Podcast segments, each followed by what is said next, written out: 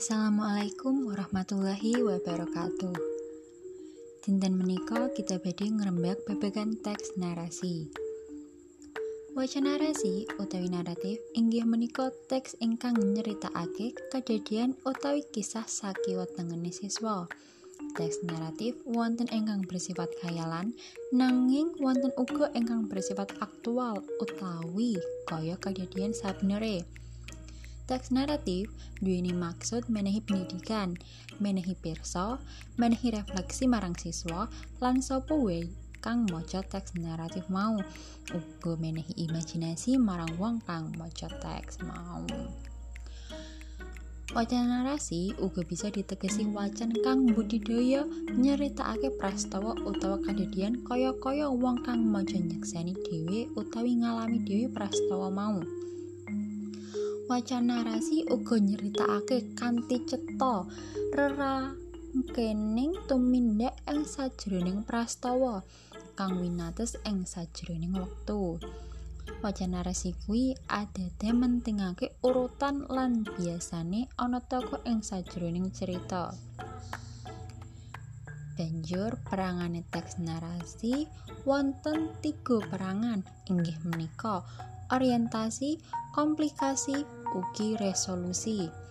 Orientasi inggih menika perangan wiwit ngenalake paraga cerita lan kapan dumadine cerita utawa kadadian mau. Komplikasi inggih menika paraga utama ing cerita wau wiwit oleh kudo, alangan, rintangan utawi konflik. Banjur resolusi inggih menika prakara ingkang dipun adepi dening para paraga.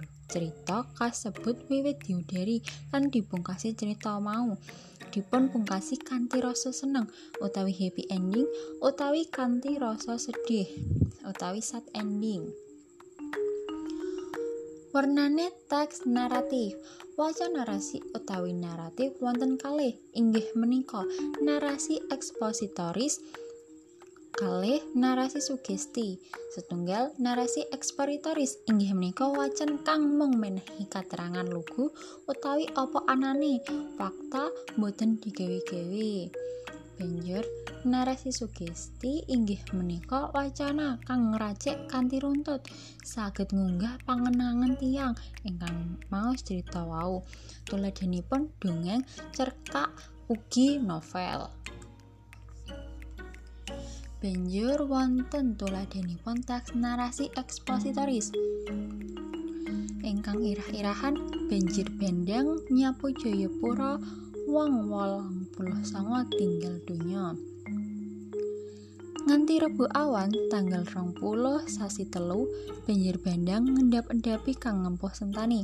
Kabupaten Jayapura niwasake wong wolong puluh songo gunggunge korban dinuga isih bisa nambah maneh.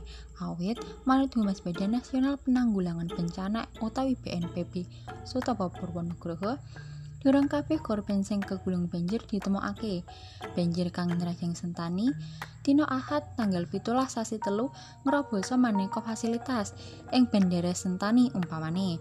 Sawetara montor mobil kang lagi parkir nganti geser saka papan sakawit. Kepara pesawat-pesawat cilik kasiret banyu ing nabrak pager wates bandara.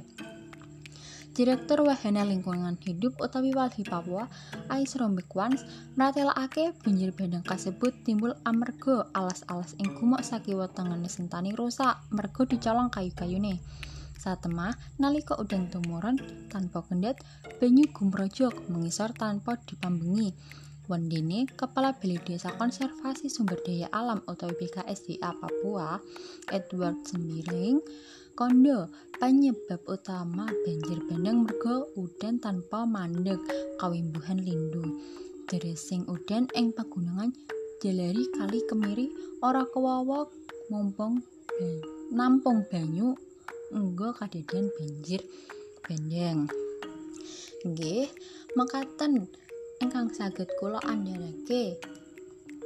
Saking bab teks narasi menawi wonten kalepatan Kulo nyuwun pangapunten. Assalamualaikum warahmatullahi wabarakatuh.